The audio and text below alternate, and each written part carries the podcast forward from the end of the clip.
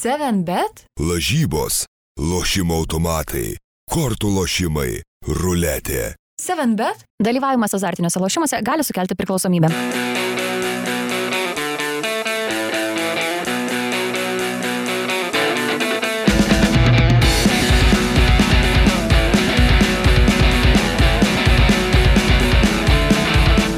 Labadiena, skrienčio kamulio bičiuliai. Pirmadienis, kaip įprasta, Marius Bagdonas, Aurimas Tamulionis, aš Mantas Krasnickas, 15 bin žurnalistai susėdome pasikalbėti apie futbolo, futbolo reikalus ir kaip ir dabar įprasta, pastarosiom savaitėm tie futbolo reikalai sukasi apie Lietuvos klubus, apie jų keliones Europos turnyruose ir aišku, pradėsim šiandieną nuo Vilniaus Žalgerio, nors prieš tai gal Marius Bagdonas šiek tiek papasakos apie savaitgalį. Ne, ne, paklausim tiesiog, ką Mariau veikiai savaitgalį. Kas vyko? Nieko. Laukiam atsakymą. Futbolą žaidžiau. O, nu Kaip sekėsi, papasakočiau. kaip sekėsi, ką, kur žaidėjai? Sekėsi neblogai, sudalyvavom tokiam, buvom gavę kvietimą į Žagarės vyšnių festivalį su preso komanda, tai su, sužaidėm su vietos komanda, veteranų irgi. Pavyko laimėti. Joniškis, ne žagarė. Ai, nu, Joniškis ten, Taip, atsiprašau, čia mano iš to kraštai, krašto, tai, tai, tai, tai, jo, tiksliau. Buvo ir Žagarės veteranų komanda, jinai žaidė su Latvijos komanda atvykusi irgi tenai tai toks draugiškas mačas, tai du tokie draugiški mačai, pa, pasibuvimas smagus, po to dar ir koncertas e, smagus, tai labai turiningai praleidom laiką, taip nusprendėm, kad na, per tą visą istoriją preso yra labai daug įvairių išvykų buvę, visokių išvykų buvę, bet šita vienareikšmiškai tokia yra viena išsimintinesnių netgi per visą istoriją, sakykim. Tai tikrai vakar vėlokai net ir grįžom į Vilnių, tik tai apie kažkur 90 val. vakaro buvom, tai... Hmm. Tai va, tai labai Marius gerai Bagdonas. sekėsi aikštėje, labai gerai šalia aikštės, viskas nuostabu, šiandien gal truputėlį gali netaip gerai sektis laidoje. Bet... Marius Negraudink, nes aš atsisakiau tos iš, kelionės. išrinktas geriausių rungtynių žaidėjų. Taip, taip. Aišku, čia pats nepaminės to, tik mes galim tai pasakyti. Jau Marius taip, savo tuos titulus praleidžia, bet vertas, kaip suprantu, buvai tu. Labai. Balondorą gavai. Žagarišką balondorą. Um, Ir mačiau, ir komandos draugus įvertino, ir pažymiai buvo surašyti viskas. A, Viskas buvo ant bangos ten tą vakarą, tai, tai, tai visi gavo ir pažymių, ir priekaištų gavau dar, kad kai kam per mažai, kai kam, kai ko ne, nepamačiau. Tai, Net tai bet, redaktoriui mažiausia pažymį skyriai. Tai... bet drąsu, e, drąs- pažymiai Aštri buvo, plunksna. galiu pasakyti, kad gerokai aukštesni nei Valdo Augustino Ivanausko komandai, kuriuos gauna futbolininkai. Tai taip tikrai tokie vidurkis buvo žymiai. Ne, tai kai tau, ta prasme, lyga laimėta, tai tikslai įgyvendinti. Tokia, saky, sakykime, buvo tai... super taurės mačas, ar Taip, ne? taip. Kur nereikėjo iki jo prieiti, bet vis tiek taurė buvo keliama į viršų. Tai. Uh, presas daug jėgų, kaip suprantu, žagariai paliko per tas keletą dienų, bet daug jėgų ir Vilniaus žalgeris paliko praėjusį antradienį rungtynėse. Atrodo, jau šešios dienos praėjo gana senokai, bet nežinau kaip jums, man įspūdžiai vis dar gana gyvi ir tokie atrodo, kad neseniai buvo tos rungtynės. Su Marium stadione buvom, Aurimas, kiek žinau, mokėjo pinigą už transliaciją, ar ne, irgi Taip. stebėjo tas rungtynės, tai Aš surašinėjau live. jo, jo, jo, ir uh, blemba, labai seniai buvo tiek emocijų iš tikrųjų, žiūrint futbolą, žiūrint lietuvišką futbolą, galiu tai pasakyti, klubinį futbolą Europos uh, turnyruose ir pratesimas, įvartis pratesime, o Javusi tapo vakaro herojum, bet uh, Gal pradedam nuo tų pačių pamatų, kad šios rungtynės, lyginant su maču Kosove, buvo kitokios. Čia Žalgeris, na, žaidė kaip geresnė komanda, nes jeigu prieš savaitę kalbėjom, kad Žalgeris sugrįžęs iš išvykos rungtynių gali džiaugtis, jog rezultatas yra lygus. Tai Vilniuje mače atrodo, kad Žalgeris galėjo liūdėti, kad neišsprendė tų reikalų anksčiau ir kaip jums atrodo, kas buvo tie pagrindiniai tokie, na, trukdžiai, kad nepavyko per 90 minučių tų rungtynių pasimti. Aišku, paminint iš karto Renano Oliveiros e, progą 85 ar 86 minutę. Taip, tai iš tikrųjų netrodė man taip, kad jau Žalgris buvo visiškai aukštesnio lygio komanda, nes Taip, jie gal polime tikrai kontroliavo situacijas, bet tie atsikirtimai gynyboje vėl buvo nu, labai pavojingi. Tai didžiulė, nežinau, sėkmė, kad nenubaudė tavo giminaitis pusbrolis Krasniki, ar kaip Krasničiai. Krasničiai. Tai nes taip atsikirs, nežinau, žaisim dabar su aukštesnio lygio varžovu iš Švedijos ir, nežinau, švedas, man atrodo, tokių galimybių nešvaistys, taip dievai langus ir, ir arba į Gertmaną. Ir Gertmanas sužaidė du kosminius mačius, tikrai fantastiškas žaidėjas. Marius Bagdonas e, parašė devintuką, čia yra, nežinau, stebuklas ar ne? 3-9 tai buvo tame. Tai net vertinime, Vilniaus tai žalgeris stebėjosi. Ir Arvidas Novikovas rašiai irgi pa- pa- palaikino šitą komentarą, kad čia Kas tu ir ką padarė Marijui Bagdonui? Jo, net ne, iš tikrųjų, Gertmaną tikrai reikia pagirti, jis yra vienas kertinių personažų šitos pergalės ir šito praeito etapo e, situacijoje. Nepatiko labai, kaip atsikirtinėjo, kaip komanda rizikavo, prarasdavo tos kamuolius, nežinau, vat šita situa- šit, šitas momentas man labiausiai, man labiausiai kliuvo tos rungtynės ir tada negalėjai būti toks ramus. Nors ir Žalgiris ten atakavo, tokių, tokių visiškai baisių tų progų nesusikūrė, kol Renanas Oliveira nepasiuntė Dievo į langus 85 minutę. Ir nebuvai, niekada nebuvai ramus, nes ten vieno įvarčio buvo rungtynės. Būtų įmušę varžovai, būtų dar ne, nežinia, kaip pasibaigė viskas. Aš tai sakyčiau, kad buvo tų progų, buvo pirmajame kelinyje, gal iš pradžių ta, tos pirmos minutės tokios neraminančios šiek tiek buvo, bet paskui ir, ir Miličkovičius, ir uh, Čerėme turėjo po progą visai neblogą, dar e, taip pat ir Bufas e, smūgį paleido ten šalia vartų, tai ta atkarpėlė pirmam kelny tikrai buvo nebloga. Paskui antram kelny, aišku, sutinku dar ir su tuo, kad ir varžovai, e, jeigu realizacija nebūtų šlubavusi, kaip šlubavo ir pirmajame mače, taip ir čia, galėjo jie ir tuos, e, tą savo įvartį pelnyti, apmaudu buvo, būtų buvę super apmaudu, jeigu po Renano Oliveiros, kaip tik tos nerealizuotos progos, gi varžovai išsiruošė į labai pavojingą ataką ir ten vos nenubaudė žalgerio, tai toks būtų dvigubas smūgis, laimė jo pavyko išvengti, Mario, kaip tau tos rungtynės, kokie tie pakeitimai žalgerio žaidime tau atrodo, kad sugrojo labiausiai praėjusį antradienį. Man atrodo, kad sugrojo geresnis tiesiog fizinis pasirengimas. Tai krito į akis ir pirmajame mače, kai, kai sakykime, pirmas kelnys buvo labai sudėtingas e, Vilniaus žalgiriui, bet e, matėm, kad, na, atlaikius tą tokį pirmą spaudimą, tokį pagrindinį spaudimą, ką tu čia pasikabinės ant... Kaip atkreipė. Tai atlaikius tą spaudimą, iš tikrųjų, po to rungtynės labai įsilygino ir žinom, kad na, Vladimiras Čiaburinas sugeba iš to rezultatą išspaus, sakykime, kad ir nesu labai gerų žaidimų, tai, tai šitas mačas lygiai toks pat aišku, pirmam kelnyje, man atrodo, kad irgi, va, tu labai teisingai pasakei, ten, sakykime, trys tokios progos per, per pirmas 15 minučių, kur tu vis tiek vieną tokio lygio rungtynėse turi bent išnaudoti. Na, to padaryti nepavyko.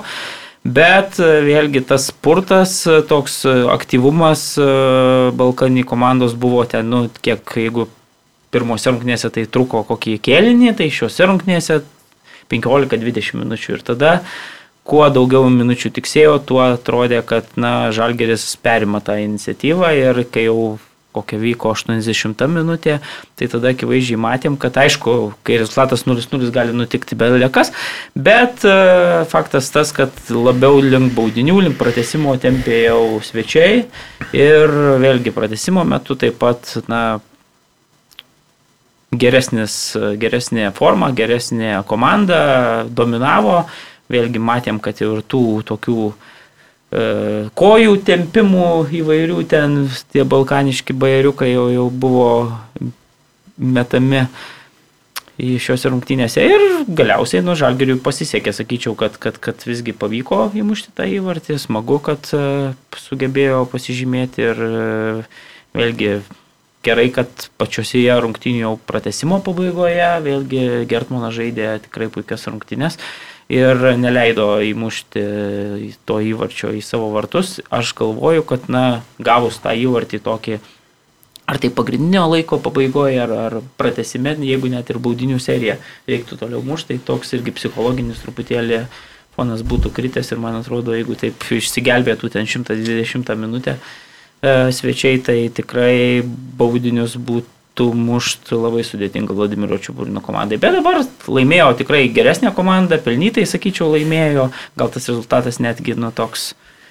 Bet žinom, kad e, prie Vladimiro Čiaburino na, tikrai negali būti ant rezultatų 0-3 ar, ar, ar 3-4, kai, kaip pavyzdžiui, kad ir Malmo su, su Islandais buvo, tai ten toks e, įvarčių festivalis pas Vladimirą Čiaburiną vis tiek yra viskas daugiau mažiau kontroliuojama ir, ir taip ir buvo šitą mačią. Jo, aš dar norėčiau pa- pabrėžti, jo Marius labai teisingai pasakė, pa- pasimiršo per šešias dienas tas fizinis pasirengimas ir jeigu lyginam su varžovais, neaišku, kiek tie varžovai pasirengia fiziškai, bet jeigu Žalgeris išlaiko, atrodė, kad Žalgeris išlaikė tą kokybę ir e, jėgas, tai čia labai geras ženklas žiūrint į priekį, nes varžovai tai labai labai sėdo. Vėlgi, jeigu reiktų, na, nežinau, sezonas būtų įsibėgėjęs, sakykime, Kosovo čempionate, tai, tai tada vėl gal kažkokį kitą vaizdą matytume. Dabar žinom, kad, kad na, Balkanai dar tik ruošiasi sezonui, jiem čia, tai, tai faktas, kad kai reikia žaisti atsakomajame mače, vėlgi stadione, kuris, na, sintetinė danga ir taip toliau, ne 120 minučių, tai natūralu, kad, kad, kad ta komanda, kuri, na, nėra pikė, kaip, kaip pavyzdžiui, Vilniaus Žalgeris, na, jai sunku darosi. Ir keitimų per 90 minučių varžovai atliko berots tik vieną, kai tuo tarpu Vladimiras Čiaburinas išnaudojo visus, ką turėjo. Ir kas dar smagiau, tai kad jie visi po keitimo į aikštę mesti žaidėjai davė labai gerą rezultatą. Mantas Kuklys, rezultatyvus perdavimas, kur, na, puikus, aišku, perdavimas buvo. Klausimas, ar ten grinai ir taikėsi Mantas Kuklys, ar, ar šiek tiek ir sėkmė nusišypsojo, na, bet geras pasas neprapuola, kaip sako, ir kaip pats Mantas Kuklys e, spaudos konferencijoje po, po rungtynių paklaustas apie tą ojavusį įvartį, sakė, na, geras perdavimas, gražus ir įvartis. tai dėl Manto labai smagu ir prisiminkim dar ir pats šansą labai gerą turėjo, kuomet iš toli tą savo tokį firminį smūgį uždėjo ir vartininkas išgelbėjo, kamuolys į skersinį atsitrenkė. O javusi puikios rungtynės pakilus nuo suolo davė va tos energijos, kurios reikėjo, nes varžovai, jeigu ir buvo kažkiek pasėdę, šitas žaidėjas yra kosminio greičio.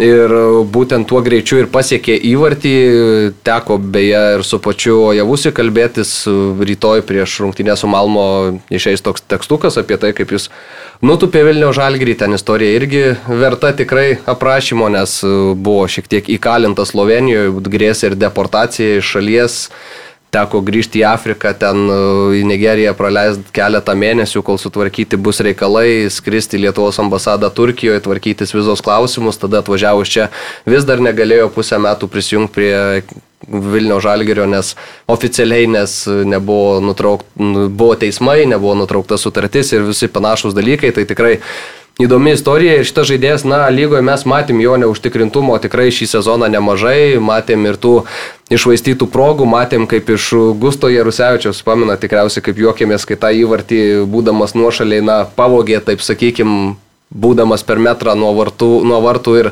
kištelėjęs koją, kur tos kojos kišti nereikėjo, bet dabar pasirodęs aikštėje jis, na, vienas tikrai ryškiausių visų rungtynių žaidėjų, ne tik dėl to pelnyto įvarčio, bet ir šiaip dar keli reidai, keli smūgiai itin pavojingi buvo ir taip prie jau visiškai idealaus scenarijaus tikrai galėjo ir ne su vienu, ne su dviem, o gal net su trim įvarčiais tas rungtynės palikti.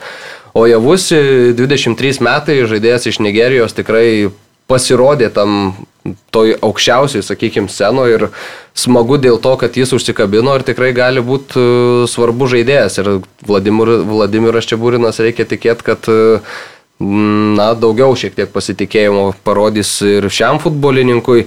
Gustas Jarusevičius išėjo į aikštę, šiek tiek atrodė, na, pirmi tie pirmos dvi kovos, pirmi perdavimai, ten epizodas toks iliustratyvus buvo, kai su Sauliu Mikoliūnu atrodo, na, vyresniam paliko žaidėjų kamuolį, taip iš pagarbos ir paskui tą kamuolį varžovai pasėmė.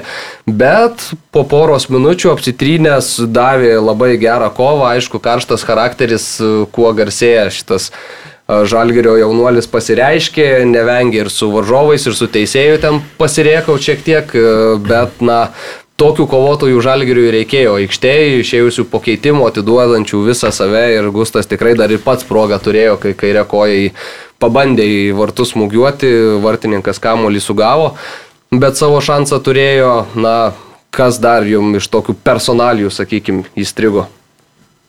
Goropsovas Nikolasas patiko man. Dar vienas devynetas Marijos Bagdono Jo, man- tekste. Bet tas atsikirtimas rungtinių pabaigoje ne, neturėjo sumažinti pažymys truputį. Ne, neturėjau. Manau, kad e, visas rungtynes labai gerai kontroliavo. Taip, klaidų buvo, pavelčiaus tokių klaidų, kaip, kaip tą padarė, tikrai buvo dar daugiau. Ir, ir, bet tai, kai tu nuolat žaidži su kamoliu, kai tu...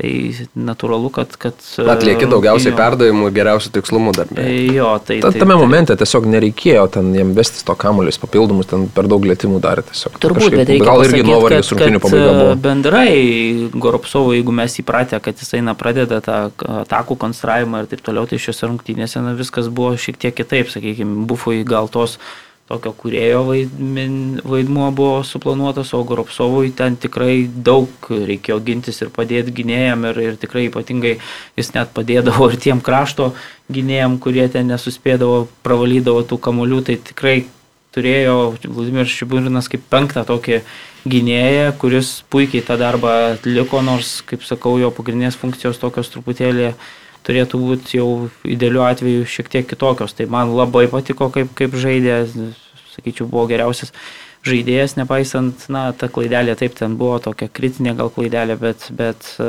nemanau, kad, kad kad e, reikėtų nubraukti visą indėlį, kurį padarė tame mače Goropsovas. Vladimiro Čiabūrino aš norėčiau pasakyti dar vėlgi drąsa. Išimti, pavyzdžiui, 90 minutę prieš pratesimą tą patį Nikolasą Goropsovą, tą patį Saulių Mikoliūną, du tokius labai nu, svarbius žaidėjus, du veteranus, kurie ypatingai pratesimo metu, kai reikia tos ramybės, na, atrodo, patirtis ir tada ir turi žaisti vėlgi baudinių, jeigu viskas būtų nusikėlę iki baudinių, tai Nikolasas Goropsovas vėlgi vienas iš... Bet jiem jau koja traukė Taip, taip, taip, taip bet, bet vis tiek išimt, vat, tarkim, taip jau ten e, buvo tikrai pavargęs, nes, kaip minėjau, daug darbo. Ir abu du juos išėmė, įėjo kuklys, įėjo kas... Buvo pesu? Ne, Ne? ne, atrodo. Neatsimenu dabar. Ir visiškai nepagaidino vaizdo, galiausiai viskas ga- gavosi įmuštų įvarčių pasibaigė ir, ir, ir pergalė. Tai tikrai su tais visais keitimais ten, tu jau minėjai Rusevičių, Ojavusi, vėlgi Bopesų taip pat ne, ne, ne, negadino vaizdo ten, kiek, kiek jam reikėjo, tai savo prasivalė ten tam išėjęs. Tai tikrai visi šešis keitimus išnaudojo. Gal tik Donatas Kazlauskas Jo, man Donatas kažkiek Kazlauskas e, tikrai strigo, iš- iš-. Iškrito truputėlį iš konteksto e, gerai, Renanas Oliveira irgi tikrai žaidė prastas rungtynės, nes ir tokios progos neišnaudojo ir šiaip matomumo truputėlį trūko.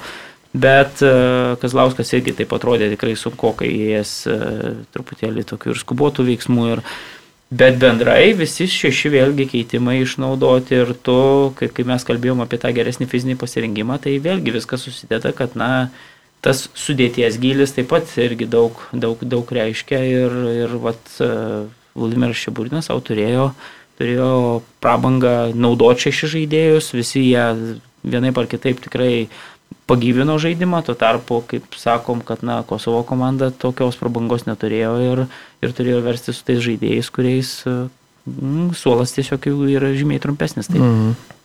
Dar apie kuklio perdavimą, tai sakyčiau, čia toks terminas būna educated guess, kai tu, e, nu, ta prasme, gal jis ir nebuvo suplanavęs, kad taip viskas įvyks, kaip ir įvyko, bet uh, jis, ne, ne, nes toj situacijoje jisai kaip ir valė e, varžovo ataką grėsiančią, išspirinėjo, kam, spyrė kamuolį toliau, bet jis jo nekėlė, jis e, jį metė į pavojingą zoną ir gavosi perdavimas, tai tiesiog Kevino Debriunės repertuarą. Beje, kiek Mariau dienų po rungtynių iš lėto leidosi saulė galvoj? Ne, man, man, ne, ne, ne. Nebuvo to? Ne, aš ne, ne. nesu tas, kuris kaip ten didelis entuziastas visų tų, kas ten vyksta tribūnose, tai aš tiesiog, nu, man ne. Man tai patiko labai. Ne, tai labai Mar, Mario žinom požiūrį į pietų keturis, jam nuo vaikystės ant vaikystės traumų yra tie visi skustos galvos ir kerzai, bet e, šiaip tos vat lambados ir šešėlių valdovai, tai čia jau yra kitas lygis ir man čia, čia man patinka, čia man gražu, čia turėtų paskatinti, pažiūrėjau, mano žmona būtų išgirdusi stadione, tai būtų dainavusi kartu, nes nu, tiesiog mėgstama daina, tai man atrodo pritraukia tokių žmonių, kurie iš šalies ir, ir, ir ten gal netraukia ten tų standartinių kažkokių skanduočių, kur ten, nežinau, ir varžovus menkinančių ir panašiai, jau čia tokia graži. E, puikiai atlikta, pasiruošta, nu čia tikrai aš, aš, aš tai geriau, tikrai man buvo gražu. Ok, o tai Vilnių Žalgeris tęs savo kelią čempionų lygoje ir gal pirma, jau yra beje ištraukti ir Europos lygos burtai, dabar vakatikai mes įrašinėjom laidą, jie buvo ištraukti, bet pirma apie tai, kas e, laukia tikriausiai uh, Žalgerio rytoj, nes mes esame dabar čia pirmadienį, tai rytoj su Malmo ekipa Švedijos čempionai. Bet Švedijos čempionai, kurie, na, pastaruoju metu neįtikina. Švedijos čempionate šiuo metu užimama penkta vieta su o, Islandais pirmajame etape vargta labai labai daug, keletas labai svarbių žaidėjų yra parduota šį tarp sezonį. Ir, na, toks įvarčių fiesta čempionų lygoje kautynės iki paskutinio su, su varžovais pirmame etape, nežinau, man atrodo, kad šiek tiek, na, toks yra šanselis didesnis negu kai tada su Malmo žaidėm prieš, kiek čia, prieš septynerius galbūt metus. Nu, tada buvo nemažas šansas iš, iš išvykos parsivežus 0-0 ir namie atsimenu tas rungtynės, kad, e, nu, gerai mes žaidėm, Paldas Dambrauskas tada treniravo Vilnių Žalgirį. Tik tais tada tas vienas įvartis labai skaudėdavo, nes įmušė mums švedai išvykos įvartį ir, ir mums jau reikėjo mušti du. Jo, tai tada, bet tada buvom tikrai arti kito etapo, nors ištraukus burtus niekas taip jau labai negalvojo, kad čia mes Malmą įveiksim. Šiemet va, teko matytas antrasias rungtynes e, Islandijoje, tai ir Islandai iš tikrųjų tokia įdomi komandėlė, nes jie nebijo to kamulio, tą kamulį palaiko, nepanikuoja, kai varžovas e, presinguoja, Malmo ten būdavo momentų, kai tikrai gausiom pajėgom papresinguoja, tada kelia aukštą kamulį ir jau čia jau Islandų žaidimas ateikit čia antram aukšte, jie lipa ant galvos, kaunasi ir, ir tų kamuolių va tokių laimėdavo daug. Čia turbūt ir čia burnai duona pažiūrėti, ką, ką reikės daryti gal rungtynėse su Malmo, nes Malmo labai skaudėdavo, jie labai kažkaip daug tų antrų dvikų pralaimėdavo ir va, tada atkildavo pavojingi momentai ir, ir, ir iš ten ir kildavo progas, kur, kur gana susimuždavo Islandai. Kažkaip jie tokie įdomi komandėlė, kur pridarė daugiau Malmo problemų, negu norėjo turbūt. Ten Malmo nesitikėjo, kai ir ats, pabėgo į priekį 3-1, liktais atrodė, kad Taip. jau čia bus ramu. Ir Marius Bagdonas nusipirkęs bilietus į Kopenhagą irgi jau trynė rankom ir tada pabaigoje Islandai nusprendė dar viški pakursyti aistras. Jo, aš tų atsakomųjų rungtynių pabaigą, kokias paskutinės 15 minučių mačiau, tai tikrai neįtikino nei viena, nei kita komanda, galim taip, galiu ja. taip sakyti, nes... Tuo metu buvo Malmo kažkoks pasimetimas, jie, jie, jie pabaigė rungtynės, kai 3-1 išsiveržė, jie atrodė mm. ir išėjo iš aikštelės ir jau jie pasirašė kitą mačą. Jo, bet e, kaip tu, Mario, vertini? Man, kokybė jautėsi net ir šitas rungtynės grįžau iš stadiono, tada dar kažką padariau ten namie ir nežinau, įsijungiau tą mačą. Tuo metu jau, kai įsijungiau 1-0 buvo rezultatas. Tai man ta kokybė, nu, man vis tiek truputėlį jautėsi, aišku, jie atvažiavo jau turėdami, na, savo tinkantį rezultatą po pirmo mačo, vėlgi truputėlį pradėjo ten apsnūti, bet ta kokybė, kai reikėdavo komandai, jungdavo tą pavarą, jinai sumušė tos įvarčius ir atrodė vėlgi, tada vėl atsipalaidavimas, tas jautėsi labai ir tada viskas baigėsi vat, rezultatu vėl lygių 3-3, bet, bet faktas yra tas, kad jeigu mes ten prieš tuos septynerius metus, sakykime, tikrai sunkiai įsivaizdavom, kad gali, gali tiek įvarčių kristi į Malmo vartus, tai dabar matom, kad, na, tikrai prieš tokį na, ribotą, sakykime, varžovą, bet, bet jie praleido labai daug įvarčių ir, ir man atrodo, kad tai irgi liudija, kad na, stabilumo komandai truputėlį trūksta šiuo metu ir, ir tai yra šansas vėlgi žalgeriui. Sunku bus pasakyti, kaip aš vis tiek manau, kad na, e, tikrai švedai bus favoritai šios e, poros ar vienaip ar kitaip, bet, bet akivaizdu ir tai, kad na, su to naujo trenerio ateimu dar tikrai yra ką styguoti ir, ir, ir bent jau gynyba, bent jau tos na, standartai, iš kurių tikrai traška. Ir, e, mm. ir nežinau, gal ir galima pasinaudoti. Šiaip teko peržvelgti tiek ir e, tuos reakcijas ir gerbėjų, ir žiniasklaidoje iš Švedijos, tai Milošas Milojevičius, treneris iš Serbijos, yra kaip reikiant dabar spaudžiamas ten, net ir po to, kaip pavyko tą pirmąjį varžovą įveikti. Mm, vis tiek labai labai daug kritikos e, šitam specialistui, labai daug tokių neigiamų emocijų atrodo, nes, na, prisideda, aišku, ir ta mano minėta penkta vieta Švedijos Bet čempionate reikia šiuo metu. Nuo pirmaujančio Dirgardeno atsilieka Nedaug, tai trimis taškais, tai ten visiškai yra gyva. A, bet vis tiek, ir- žinai, Sergalius mato tą penktą vietą ir jam jau... Jau neįtikina, na, Malmo vis tiek yra klubas, kaip, nežinau, kaip uh, Lietuvoje Ja, atrodo, Žalgiris. gal ten kiek panašiai. 15 gal turų kažkur, tai, tai, tai nėra, nėra, na, tikrai nemanau, kad tai... Bet ir įvarčių pa- mušama mažai, šiaip uh, būt, Švedijos ne? čempionate. Vienas žaidėjas labai... Nei, nei, nei... Jo, vienas žaidėjas labai išsiskyrė aikštėje, tai Sergio Penija, Penija iš Peru. E, Tai neprisidėjus ne prie vieno iš šešių įvarčių, nei Švedijoje, nei, nei, nei rezultatyvių perdavimų, nei įvarčių.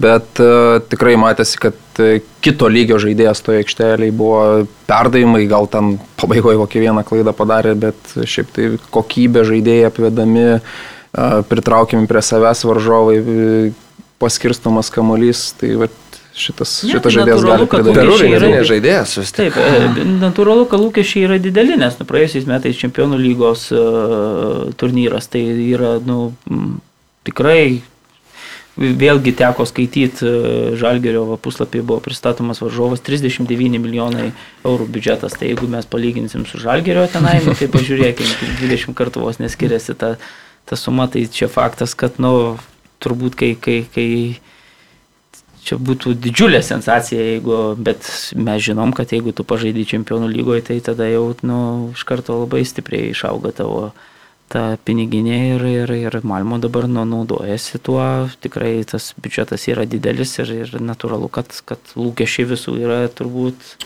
na, tokius Islandus ten ar Lietuvius tikrai komanda turi, turi, turi įveikti. Ok, tai su Malmo rungtynės pirmosios Vilniuje antradienį e, 19 val. LFF stadione buvo tikrai labai daug žiūrovų. Virš 3,5 tūkstančio buvo pirmam mače, šiek tiek daugiau. Ir atmosfera buvo nuostabi. Tai labai reikia tikėtis, kad e, prieš Malmo tų sirgalių sugužės tik daugiau, nes tas uh, hypas kyla vadinamas, susidomėjimas didėja Vilniaus žalgirių, kaip ir visada būna Europinėse Ir vardas turnyruose. atvažiuoja didesnis. Ir vardas atvažiuoja didesnis, tai tikrai kviečiam į stadioną ir mes.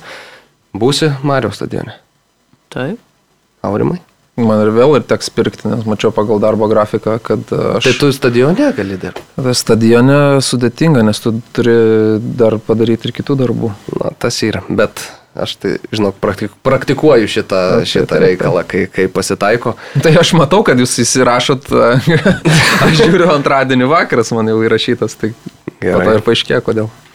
Tai va, o jeigu nepasiseks su Malmo, e, Europos lygos burtai, kaip ir minėjau, irgi jau ištraukti ir čia yra gerų žinių, nes a, Liuksemburgas arba Armenija, Jerevanas arba Dudelandžas, dvi komandos, kurios, na, man atrodo, iš to viso sąrašo, kuris buvo, Na tikrai yra įmamos, tikrai yra įveikiamos. Primenu, kad e, jeigu Žalgiris krenta iš čempionų lygos, šito antro atrankos etapo e, automatiškai keliasi į trečią Europos lygos atrankos etapą. Jeigu ir ten nesėkmė, tuomet į ketvirtą tą playoffų atrankos etapą konferencijų lygoje, tai Žalgiriui reikia praeiti vieną varžovą tam, kad e, būtų įgyvendinta ta svajonė žaisti grupių etape kažkurio tai europinio turnyro.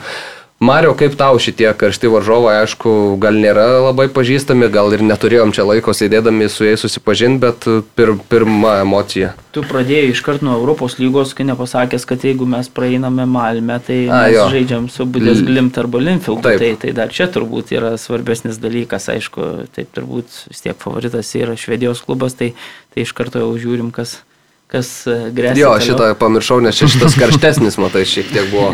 Jo, Val, tai- Valandą skyrėsi burtai. Aš sutinku, kad burtai tikrai nėra prasti, bet ir tos didelis entuzijazmas, mačiau dabar čia susirašinėjimo grupėje, yra nemažai ten kolegų žurnalistų toje grupėje, visi labai e, entuziastingai prieimė tuos, e, tuos burtus ir sako, kad na, jeigu jau ne šiemet, tai tada neaišku jau kada į tą grupių etapą papult vieno ar kito turnyro, aš nebūčiau taip, nu, toks entuziastingas, taip, manau, kad, na, tikrai tiek Dudelandžas, tiek, tiek, tiek Pinikas ten jau yra mūsų, sakykime, turbūt lentynos komandos, be jokios abejonės, šansai yra lygus, bet, bet vėlgi tų didelių pranašumų Vilniaus žalgerio aš irgi nematau prieš, prieš tuos turbūt. Na tiesiog net, nėra aišku, kažkokie jau- grandai svarbiausia. Nu Tas. taip, tai, tai, tai nėra vėlgi, pavyzdžiui, būdės glimt jau, man atrodo, visą, visą galvą. Tiesiog varžovas pajėgesnis, turintis dar tą savo ir namų aikštės faktorių labai svarbu, nes keliauti ten tikrai niekam, niekam nesinori ir yra labai sunku. Tai turbūt, ką aš žinau, neblogi burtai, bet, bet reikia viską įrodinėti aikštėje ir, ir bet Vladimiras Šiaburinas moka išspaustos rezultatus, tai daug vilčių aš aišku dedu. Kaip tavo aurimai? Tai tikrai geri burtai, negal... jais nebus galima skūstis. Va, jo, čia labai geras, ja. kad ne, nu, negali skūstis, Taip, ta prasme, taip. bet kad jau ten Mhm. e, su, čia jau su dideliu entuzijazmu. Jo, jo, čia, panaši lentyna kaip pernai mūra buvo, tai įveikiamas varžovas. Jo, bet Ar tai žinoma, pavyks padaryti? Tai, tai, tai, tai, tai, tai pernai irgi tik tai prieš mūrą reikėjo laimėti Taip, ir būtų taip, grupių taip. etapas buvęs. Nu, ir kas gavosi, pranašumas atrodė yra nemažas, viskas e, žaidžia komanda gerai, bet, bet baigėsi toliau išėjo Slovenai. Jo, žinom, kad kai čia Būrinas vadovauja komandai, tai tu esi visada per žingsnį nuo grupio etapo. Tai ar pavyks šiemet tą žingsnelį žengti? Papildomą, nu labai tikėkime. Tai jau Vladimiras Čiaburinas dabar penktą kartą ar ne, atsidūrė per žingsnį. Trejais metais su Sūduva per žingsnį, tada praeitais metais su Žalgiriu ir dabar penktas kartas, kai esi per žingsnį nuo, nuo grupių etapo. Tai taip jau kaip ir laikas tą žingsnelį būtų padėtas. Stabilumas iš tikrųjų yra profesionalumo požymis, tai čia šiuo klausimu su čia Būrinu turbūt mažai kas gali konkuruoti. Ar, vat, bet ar pavyks jiem tam pirmajam pralaužti ledus, tai labai tikėkime, kad Lietuvos futbolas pagaliau turės ir, ir galės, nežinau, plėstis, ambicingus planus savo įgyvendinti, tų pinigų labai reikia stadiono pirkimui, akademijos ten, vazės statymui ir taip toliau, tai čia gali būti, kad užsikurs didelė mašina, apie kurią gal dabar dar nesvaikim. Jo, dar palikim dar ir dviejos rungtynės su Malmu visų pirma, paskui dar kažkas Europos lygoje, jeigu ten nepasiseks, tai tada ir pakalbėsim apie tas e, realijas visas mūsų.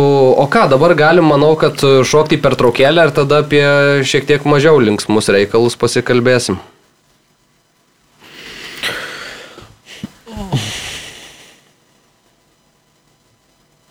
UEFA konferencijų lygos atranka nebuvo jau tokia miela Lietuvos dviem komandom. Pradėkim galbūt nuo Kauno Žalgirio, kur e, buvo prieš atsakomą į mačą. Na, šansų negali sakyti, kad jų nebuvo, jų, jų tikrai turėjo Kauno Žalgiris ir tą demonstravo aikštėje, bet na, kai tu neįmuši įvarčio, tikėtis sėkmės sunku prieš bet kurį varžovą.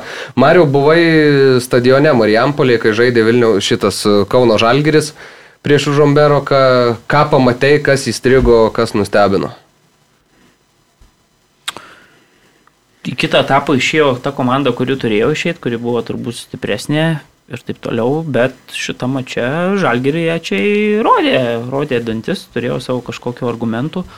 Tikrai po ypatingai antrajame kelinyje išėjus kavide, tikrai, mm, na, ir sangarė visi tie keitimai, kuriuos, kuriuos liko Rokas Garastas, tikrai suaktyvino komandos komandos veiksmus ir, ir žalgyriečiai tikrai turėjo progų, kaip, kaip treneris po mačo apkailę stavo, blogiausia, kad tų progų neišnaudojom. Tai jeigu būtų pavykę įmušti tą, sakykime, vieną įvartį, tikrai ir intrigos būtų, ir, ir, ir, ir tos tribūnos gal būtų dar labiau užsivedę, ir, ir tikrai būtų...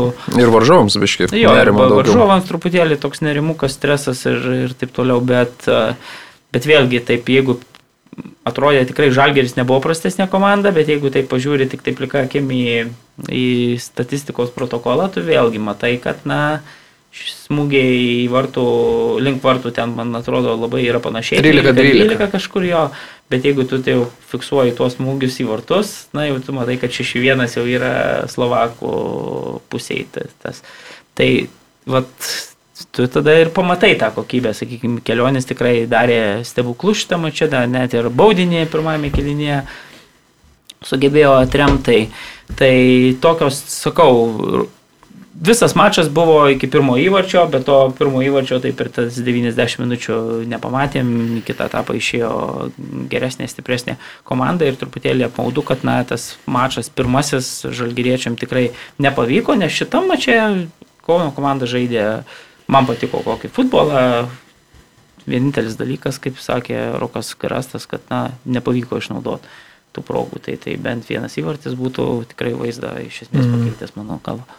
Teisybės dėliai turbūt žalgi, Kauno žalgiriui, vertinant visus lygius, e, net ir Vilnių žalgiriui gal įvertinus, turbūt teko stipriausias varžovas, ne? Netrodo jums taip?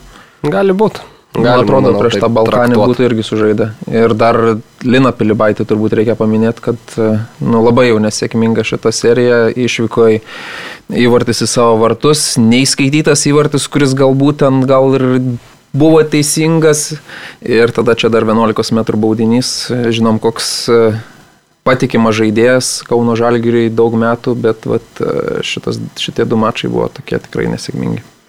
Jo, Mikelionis, kaip Marius minėjo, ten gelbėjo ne kartą mm. Kauno Žalgirį ir šiaip teko po, po šito jau viso visos Kauno Žalgerio trumpos kelionės pasikalbėti su klubo vadovu Eimontu Pūru. Jis irgi apgailestavo, kad, na, žinojom tą savo problemą, sakė visą, visą iš esmės sezoną, tiek yra lygoje, kad na tiesiog nepavyksta įmušti ir bando aiškintis žalgeriečiai, kasgi ten yra, bet na, sako, galbūt tiesiog įsimeta jau tas ir nepasitikėjimas savim, kai tu tų progų nerealizuoji vienos po kitos, tada toks neužtikrintumas, ar čia smūgiuot, ar čia perdavimą atlikti ir visokios panašios detalės. Ir na, faktas, kad Ružomberukas buvo pajėgesnis varžovas, pajėgus varžovas ir stipresnė komanda už Kauno Žalgirį, bet apmaudu, kad net ir tos rimtesnės kovos, na, sakykime, nebuvo, nebuvo mesta namuose. Taip, žaidimo prasme gali sakyti, kad tų šansų susikūrė, tačiau pačios intrigos nesugražino, nes tam reikėjo mušti įvartį ir paskui jau tada žiūrėti, gal užsikabinsi, gal ne. Bet Ką aš labiausiai noriu galbūt su jum aptart dabar, tai yra Rokas Garastas ir jo ateitis. Klausiau Reimonto Pūro, taip net tokius tris klausimus per aplink maždaug uždaviau apie Roko Garasto likimą prie komandos vairo. Na ir pats Reimontas Pūras pripažino, kad na, dabar, dabar bus toks kertinis etapas ne tik komandai šiame sezone tikriausiai, bet ir treneriui kalbant apie jo ateitį. Ir e, klausiu jūsų vyrai, ar jūs būdami Kauno Žalgirio vadovai simtumėtės permainų ar ne? Aš dabar palieku ir žiūriu, kaip komanda atrodo šiame A lygos sezone ir tada sprendžiu. Paliek iki sezono, iki sezono galo. Bet aišku, jeigu, jeigu dega pozicija Europoje ir pinigai, nu, nežinau, gali ir sudrebėti ranka.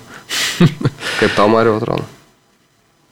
Aš tai palieku ne tik šitam sezonui, kad ir kaip jisai pasibaigtų, palieku dar trim sezonam, nes man labai imponuoja, kaip dirba su komanda Rokas Garastas, jeigu mes tai paimsim klubas naujas, bet su Roku šitas klubas užėmė trečią vietą, tada vėl trečią vietą, tai yra ilgiausiai dirbantis šiuo metu lygos treneris, man patinka, kad tas komanda turi savo braižą, žino, kaip nori futbolą žaisti, kartais gaunasi, kartais nesigauna, vėlgi ten žaidėjų, sakykime, gal migracija. Nu, aš, pavyzdžiui, niekaip nesuprantu, kaip, nu, tarkim, prieš dvi dienas tu pasirašai su sutartį su žaidėju ir tada svarbiausias yra tavo na, sezono mačas ir tu leidi, kaip, pavyzdžiui, Anaba. Tai aš, nu, neįsivaizduoju tada koks, nu, koks tas žaidėjas turėtų būti, kokio lygio, kiek geresnis ten ir taip toliau, kad tu leistum tokią mačią visiškai jo, sakykime, neišbandęs ten nieko, nu, tiesiog va, debituoti iš karto tokiuose mačiuose. Tai tų klaustukų tikrai yra nemažai, bet sakau, man Kauno Žalgeris patinka tuo, kad, na, stengiasi žaisti futbolą, visada tas braižas yra, taip gal ten išskautinamas dabar truputėlį labiau nei, nei, nei tais pirmaisiais metais, gal ir tie tų žaidėjų dabar pasirinkimas, sakykime, toks truputėlį gal jie ne, neišnaudoja viso to savo potencialo, bet jeigu aš taip iš šalies, nežinau, sakykime, e, nu, sakykime, turėdamas atžalą, į kokį, į kokį klubą norėčiau savo vaiką vest nu, katalygos, tarkim, ne, tai, tai aš norėčiau, kad eitų pas Roką Garastą žaisti futbolą, o ne ten, nežinau, pas Vladimirą Čiaburiną kelt kampinės ir taip toliau. Man atrodo, kad ten, nu, bet taip, Vladimiras Čiaburinas čia yra geras pavyzdys, čia, čia, nu, ta prasme, Lietuvos lygiui tai čia yra nu, labai puikus treneris, bet, bet ten bent žaidžiamas futbolas, yra idėjos, taip jos na, šį sezoną veikia silpnokai, per daug taškų prarasta pirmoje čempionato pusėje, bet e, vėlgi tas įdirbis padarytas, man atrodo, yra labai geras, tai yra vienaip ar kitaip klubo veidas.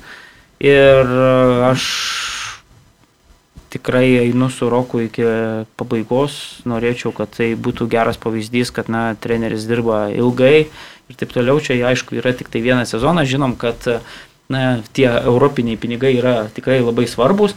Bet iš kitos pusės, na, futbolas jau toks yra rezultatų žaidimas, tai ta prasme nebus komanda visada ten, nežinau, laiminti ir taip toliau. Tai, tai visada bus tų nesėkmių, na dabar yra tas toks prastesnis laikotarpis, bet aš sakau, man atrodo, reikia pasitikėti treneriu, reikia suprasti, kad, na, futbolas ne tik tai, kai tu ten, tau visada saulė šviečia, bet, bet būna, kad ir, ir debesų būna, būna lietaus. Ir... Bet va, aš tą, tau ir norėjau dabar, kai tu kalbėjai, prisiminiau ir čia te rašiai po savo, apie pažymius savo rašomus komentuodamas, kad futbolas yra rezultatų žaidimas. Kauno Žalgeris Europos turnyruose vienintelis varžovas, kurį pavyko praeiti, yra Gibraltaro komanda. Per šitos visus metus į visus kitus, na, atsimušta buvo skaudžiai, sakykim taip. Tai, na, jeigu futbolas iš tikrųjų rezultatų žaidimas, o rezultato nėra, plus tai lyga šiemet... Tai lygoje yra pakankamai neblogas, na taip, lygoje dabar šiuo metu... Penkta vieta. Penkta vieta, šešta, net, net šešta beveik, šešioliais vienodai turi taškų jo. Tai aš sutinku, bet tai reikia dabar dėl vieno, sakykime, nepavykusio sezono, vėlgi mes jau atmetam tai, kad na, tai buvo pakankamai stiprus e, priešininkas, kritęs e, mums. Na taip. Tai, bet tokiu atveju man atrodo, kad, na, sakau, ir klubo vadovybė turėtų parodyti trenerių pasitikėjimą. Fergusonas irgi vos ne, kai, kai perėmė Manchester United vairą, tais pirmaisiais metais vos klubas neiškrito iš, iš elitinio diviziono, o po to matom, kuo baigėsi, kad tai yra vienas sėkmingiausių trenerių per e, visą Europos klubinio futbolo istoriją. Tai, tai man atrodo, kad, na, čia yra viena medalio pusė, dabar yra kita dar medalio pusė, kad jeigu priimi tą sprendimą ir tai paskubom atleidai trenerių, tai reikia žiūrėti, kas toliau ir, ir, ir ką mes tada mm, ims e, kauniečiai vėl kažkokį eilinį ten trenerį, ispaną, portugalą, kas dabar yra labai dažnai daroma Lietuvos klubiniam futbole, ne, ir, ir, ir kiek tada jisai padirbs ten metus, pusantrų, vėl rezultatų nebus, vėl keisim ir taip toliau. Man atrodo, kad dabar yra sistema, Tai yra vienas iš nedaugelio Lietuvos klubų, kuris turi sistemą, aiškę sistemą, žino, kaip nori žaisti. Man uh, viskas tinka čia, ta prasme, aš nežinau, labai būčiau nusivylęs tikrai, jeigu priimtų tuos skubotus tokius sprendimus ir atleistų trenerį, nežinodami net ką toliau daryti. Bet žiūrėk, Mario, aš, aš net leidinėjau Roko Garasto, bet aš tiesiog noriu diskusijos čia. A, rezultato suprantam, kad ta lygoje, na, šiuo metu jis yra prastas. Ir kaip ir Pūra sakė, esam įsprausti į kampą ir neturim net ir kažkokių, net savo galimybių jokių net pabertų taškų.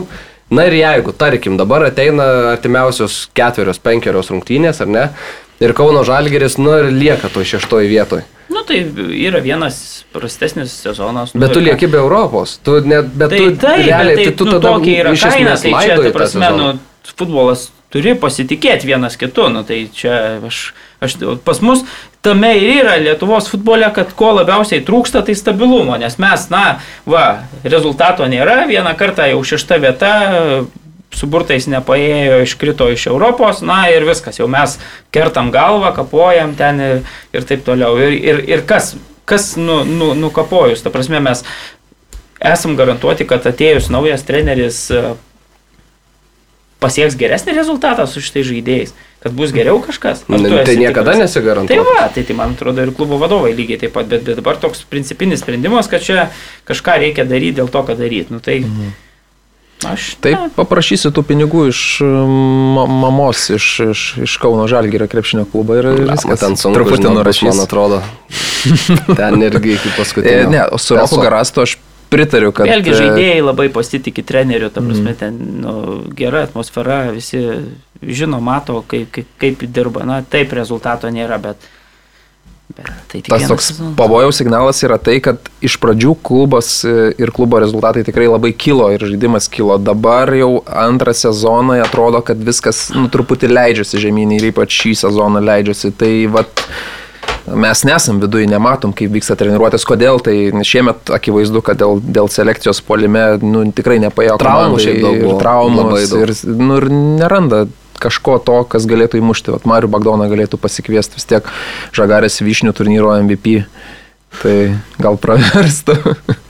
Jo, šiaip aš sutinku su tuo, ką jūs kalbat, man irgi tas pastovumo trūkumas lietuviškam futbole labai bado akis, bet jeigu reikėtų atlikti spėjimą, kas, kas bus Kauno Žalgiryje, tai aš sakyčiau, kitos dvi, trys savaitės bus e, lemiamos ir man atrodo, kad klubo vadovai, na, neturi tiek tos kantrybės, kiek galbūt jūs jos norėtumėte turėti ir man atrodo, kad sezono gelbėjimo operacija tada būtų kažkokia pradėta. Aš aišku linkiu Rokui Garastui likti prie komandos vairo, nes aš irgi kaip ir, kaip ir jūs noriu, kad e, jaunas lietuvis treneris dirbtų ir dirbtų sėkmingai, bet na, futbolas rezultatų žaidimas ir jeigu to rezultato toliau nebus šitam sezone, bus e, sunku ir ta kėdė tikrai gali triokštelt galiausiai, bet, na, man atrodo, kad Rokas Garastas net jeigu ir nebetektų, tarkim, darbo Kauno Žalgirį, jis tą darbą Lietuvoje susirastų gana nesunkiai, jeigu ne šiame sezone, tai nuo kito sezono pradžios.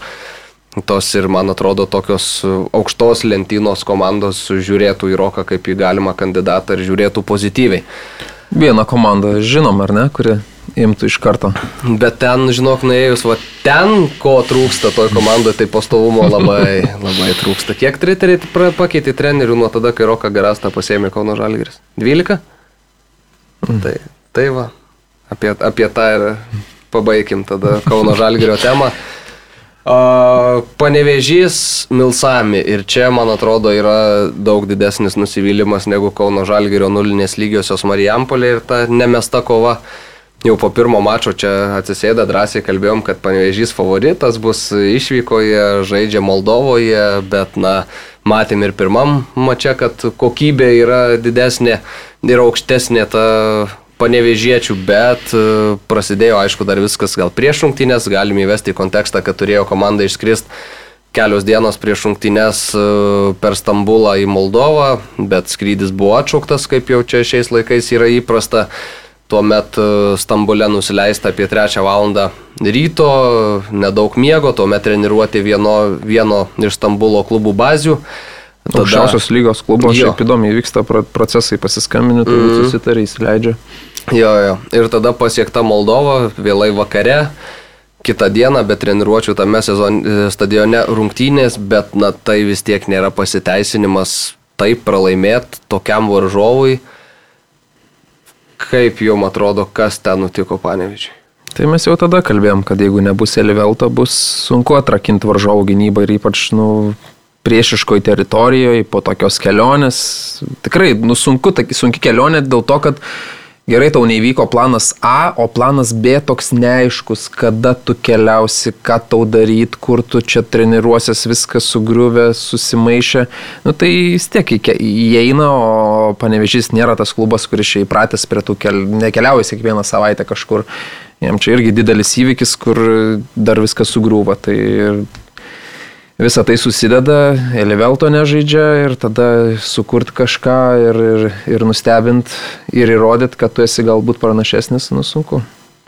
O nėra taip, kad yra du variantai tokioje situacijoje, kai tau yra sunku. Arba tu sulūšti ir parodai, kad esi minkštimas, arba tu kaip tik e, pasakai, kad, na, okei, okay, sunkesnės sąlygos man nuo to tik lengviau. Prisiminkim Lietuvos rinktinę Turkijoje. Irgi ten buvo daug sunkesnė kelionė nei dabar panevežiui. Daug sunkesnė, bet ten žaidėjai, na, suprato, kad, na, aišku, gal situacija kita, nes tu ten visiškas outsideris ir iš tavęs niekas nieko nesitikė, čia iš tavęs tikisi pergalės. Bet iš kitos pusės, na, ar tu gali teisintis tuo, kad nepraėjai Moldovos vien tik dėl to, kad tu nuskridai į tą, į rungtinių šalį, sakykime taip, na, diena vėliau.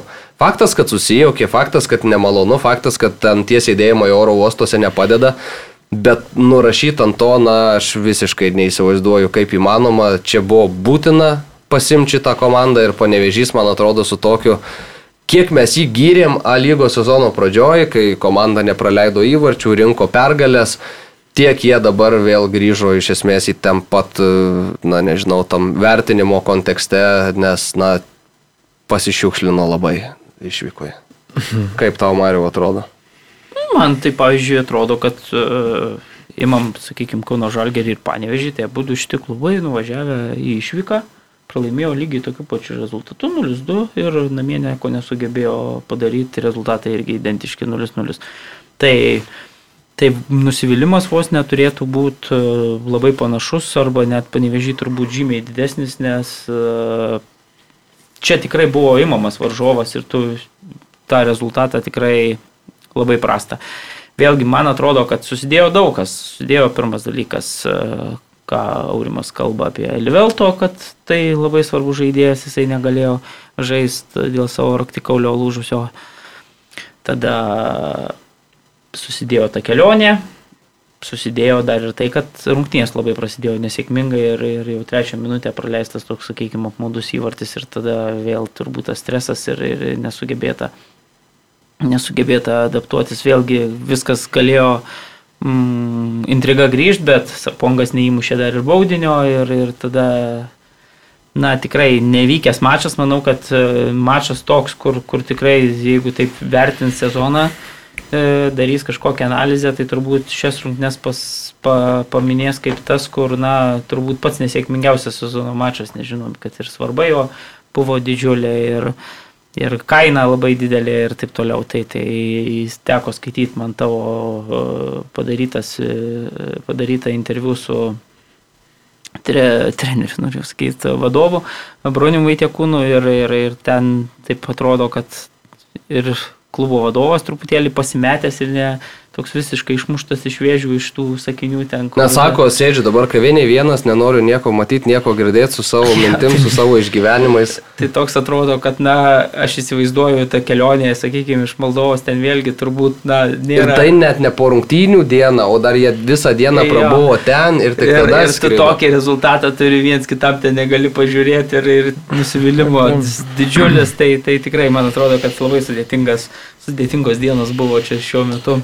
Ypač kai tavo biudžetui kokią turi ženklį įtaką, taip, taip. ten tie etapai praeiti. Tai, nus... tai ir jo labiau, kad tas varžovas, nu tikrai buvo, buvo, bet tai sakau, čia, čia ta Europa yra toks dalykas, kad, na, mes dabar irgi jau čia planuojam, kaip, kaip e, Puniką ar Dudelandžą apžaidinėsim, kuris ten bus silpnesnis, sakykime, bet, bet mes matėm, kad ir Milsame klubas jau buvo tikrai čia imamas ir, ir taip toliau, ir kas galiausiai gavosi, kad va, Moldova turbūt viena esmės... įspūdingesnių pergalių, jeigu neskaitysim Tiraspolio komandos. E, nu, neskaitykim Tiraspolio komandos. Nu, tai, va, tai tada turbūt vienas čia tokių sėkmingesnių Moldovos rezultatų. Patys Moldovai neskaito ten. Ja. Tai ir mes neskaitom tada. Ja, bet visiškai tragiškos rungtynės, taip net skaudėjo iš tikrųjų žiūrėti ir atrodo jau 0-2 įvartis į savo vartus, ten pirmo, pirmas įvartis kas, kas, kas įvyko gynybos linijoje, sunku paaiškinti. Tada į savo vartus visiškai toks neužtikrintas epizodas. Ir tada, na, atrodo, okei, okay, pastatė tą baudinį teisėjas, kaip ir galima bus po šito kabintis, dar lieka ten 20 beveik minučių, bus reikalų. Ir tada bats, vartininkas įvirpsta ir tada jau kaip ir rankos tek, nusviro. Teko nusviro, nu, nusviro rankos ir, ir, ir, ir man žiūrint ir tikriausiai ir panevežio žaidėjim Stadionas man taip prie skydinės tokios elektros, e, už vartų elektros skydinė tokia taip.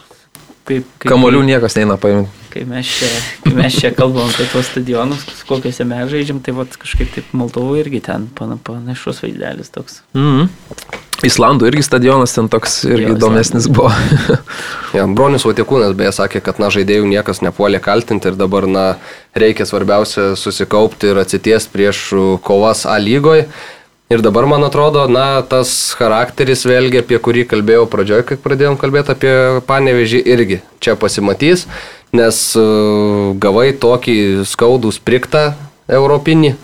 Bet e, kova lygoje tikrai toli gražu nebaigta, ten penki taškai nuo Vilniaus žalgirio ir matysim, ar turės e, kiaušinius ir mes iššūkį dar Vilniaus žalgiriui to finišo tiesioji.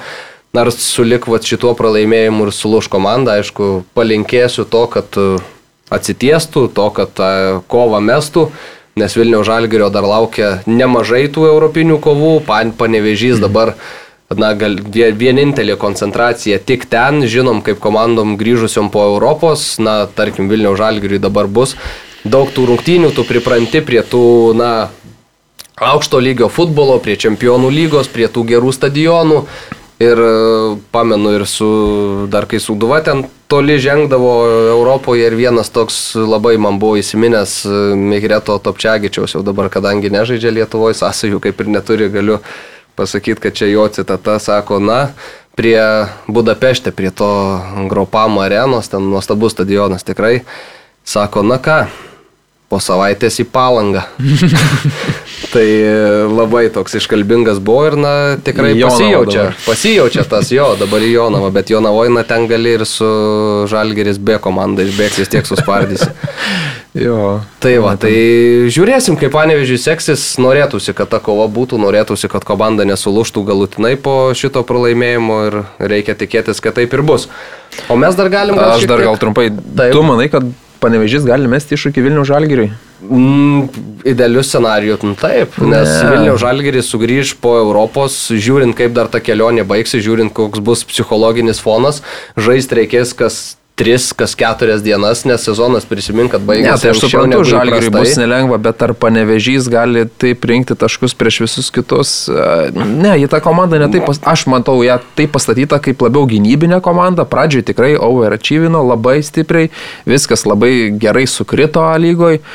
O kai tu puolime ten taip vieną įmuši, gal neįmuši, nu tau sunku tas pergalės rinkti, o jeigu tu nori konkuruoti, tau reikia trijų taškų lygiųjų neužtenka. Tai ten po į puolime trūksta galios masės, tai ne.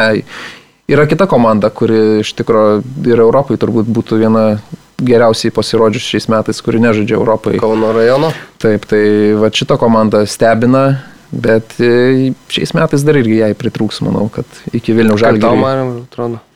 Ne, man panevežys tai atrodo labai ribotas. Mes galim prisiminti, kai sezono pradžioje na, visi galėjo futbolininkai žaisti, komandos lyderiai.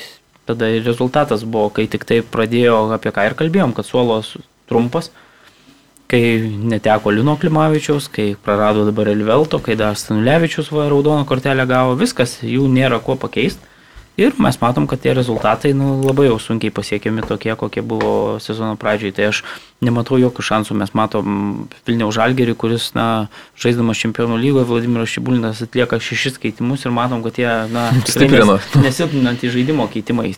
Tuo tarpu kalbam apie Panevežį, kuris, na, šiaip neturėdavo suolo, dabar prarado tris žaidėjus ir, ir, ir tą sezono tik tai pusė. Tai, tai aš labai abejoju, ar, ar kitoj sezono pusėje vėl čia pavyks išvengti traumų, jų vienai par kitai bus, bus geltonų kortelių, bus diskvalifikacijų, tai, tai Tai be jokių abejonių, man atrodo, kad na, jeigu panevežys liktų lenktynėse su tuo pačiu Hegelmanu dėl antros pozicijos, tai būtų na, tikrai puikus pasiekimas. Žinom, kad tai net, net ir sidabro medaliai būtų aukščiausias pasiekimas klubo istorijoje. Tai manau, kad jeigu taip jau susiklostytų, kad panevežiečiai su Valdo Urbanu užimtų tą antrąją vietą, tai tikrai tas pats Bronis Vaitekūnas dėjodamas e, visus taškus ant jį, manau, kad sakytų, kad tai yra buvo geras sezonas, nepaisant to, kad na, Europoje visgi ten tikrai patirtas toks lengvas nusivylimas, lengvas fesko. Tai, tai, bet, bet net tose lenktynėse dėl antros pozicijos, mm. man atrodo, kad bus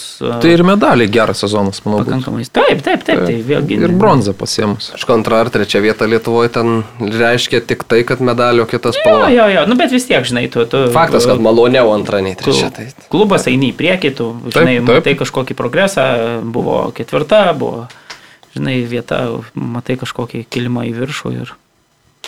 Ok, galim e, dar pakalbėti apie tai, kas laukia labai trumpai. Suduva su Viborgu žais e, ketvirtadienį Marijampoliai 19.30, tad irgi kviečiam į stadionus visus palaikyti Marijampoliečių prieš e, Danijos komandą, kuri per tą tokį atskirą turnyrą pateko į konferencijų lygos atranką, Danijoje šiek tiek kita sistema yra, sezone šiai finišavo skilų sezonų į dvi dalis, finišavo septintoje vietoje, toje apatiniai pusėje užėmė tą aukščiausią vietą, bet e, na, Danijos čempionatas ir septintoji vieta, žinom, kad Suduva irgi A lygoje dabar tikrai ne, ne, ne pirmaujančių pozicijose, tai man atrodo, kad vis dėlto Danai yra favoritai ir Jeigu bus kova, jeigu bus tas mestas iššūkis, man atrodo, kad bus visai neblogas rezultatas Ugdavai. Kaip jums atrodo? Tai jo ir sezoną pradėjo Viborgas, dabar vėl žaidė su Olborg klubu, su kuriuo ir įveikė tada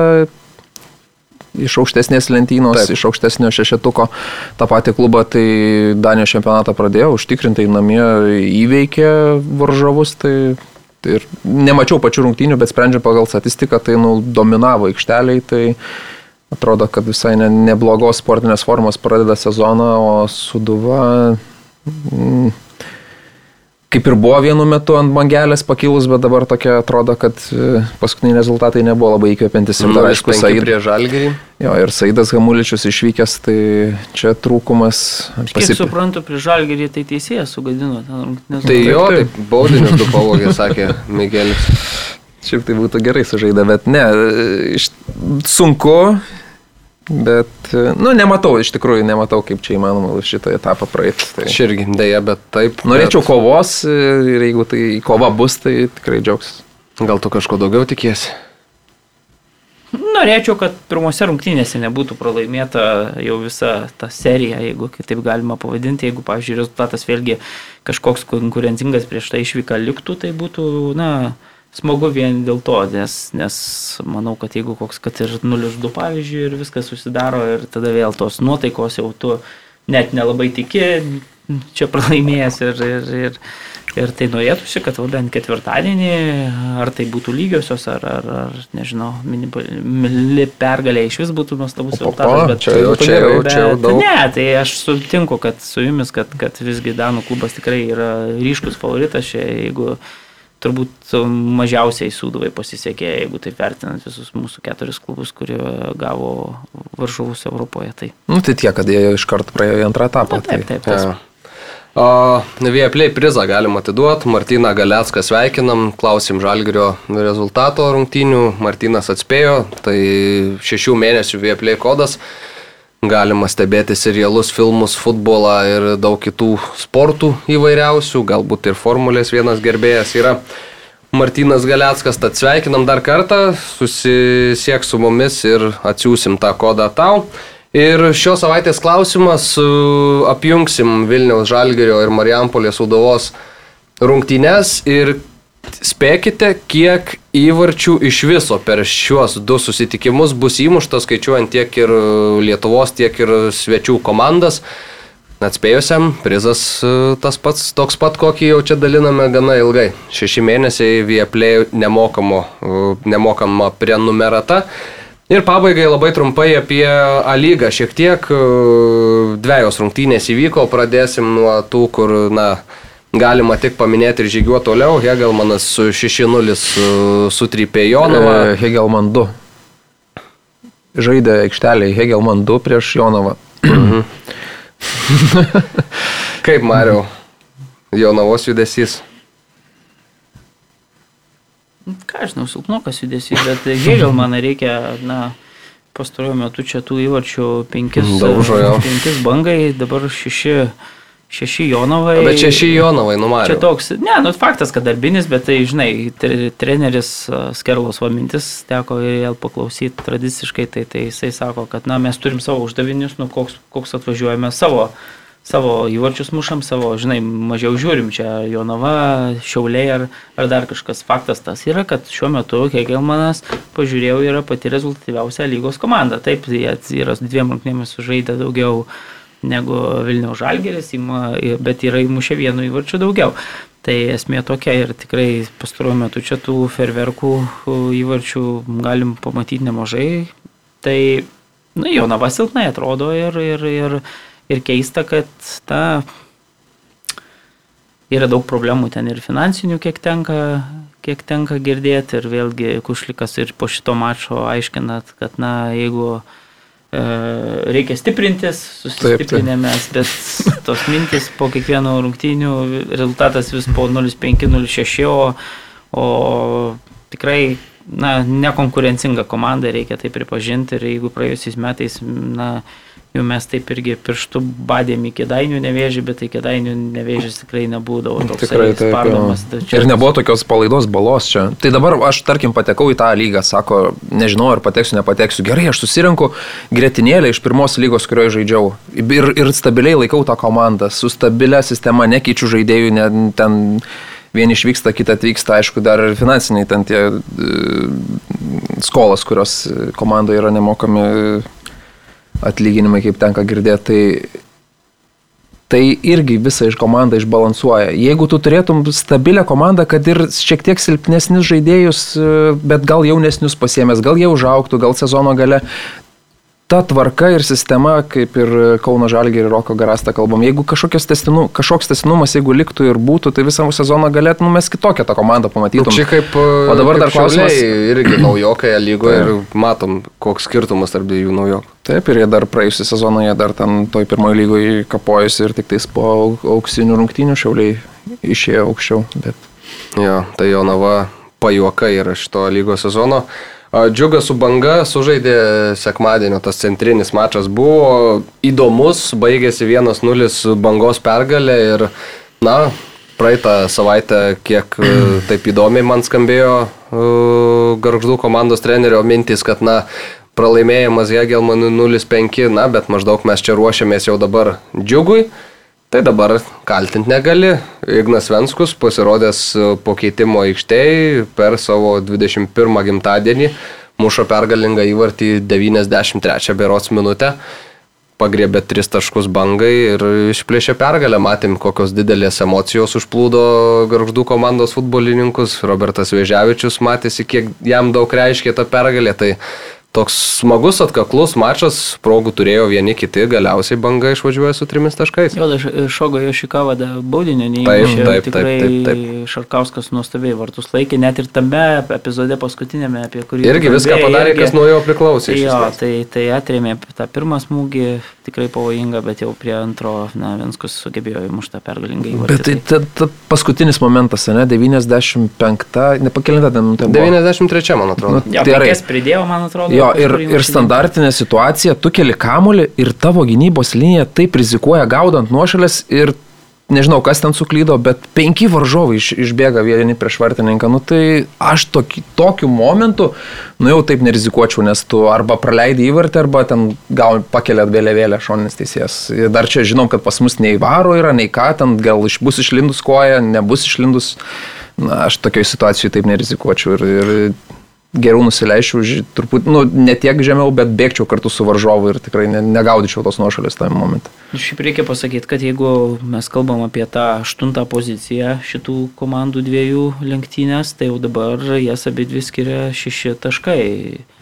Tai žinom, kad devinta vieta pagal tuos visus reglamentus turėtų žaisti pereinamasias rungtynės pagal naują, naujas, naujas taisyklės. Tai, tai, tai manau, kad džiugui dabar jau panaikinta šešių taškų persvarą, žinant, kaip komanda sunkiai renka taškus per, per, per kiek, ne- ne- 18, kiek turų ar surinkta 12 berots, man atrodo. Tai, tai tikrai, na, bus, bus ką veikti, bus ką veikti, nes šeši taškai tom silpnesniem komandom tai yra nemažai. Ok, A lyga kaip ir tiek šią savaitę. Manau, kad ir mes galim. Tai galim dar transferį kokį gal paliesti. Ką? Tai jūs labai... Lewandowskis į Jo, Ba- Barceloną.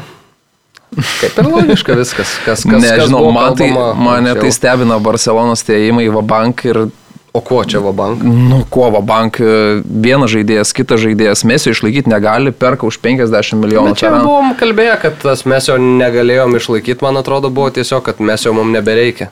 Labiau. Bet e, teko pasidomėti, kodėl Barsa taip daro, iš kur tie pinigai atsiranda, nes 1,3 milijardo skolos e, vis dar kabo.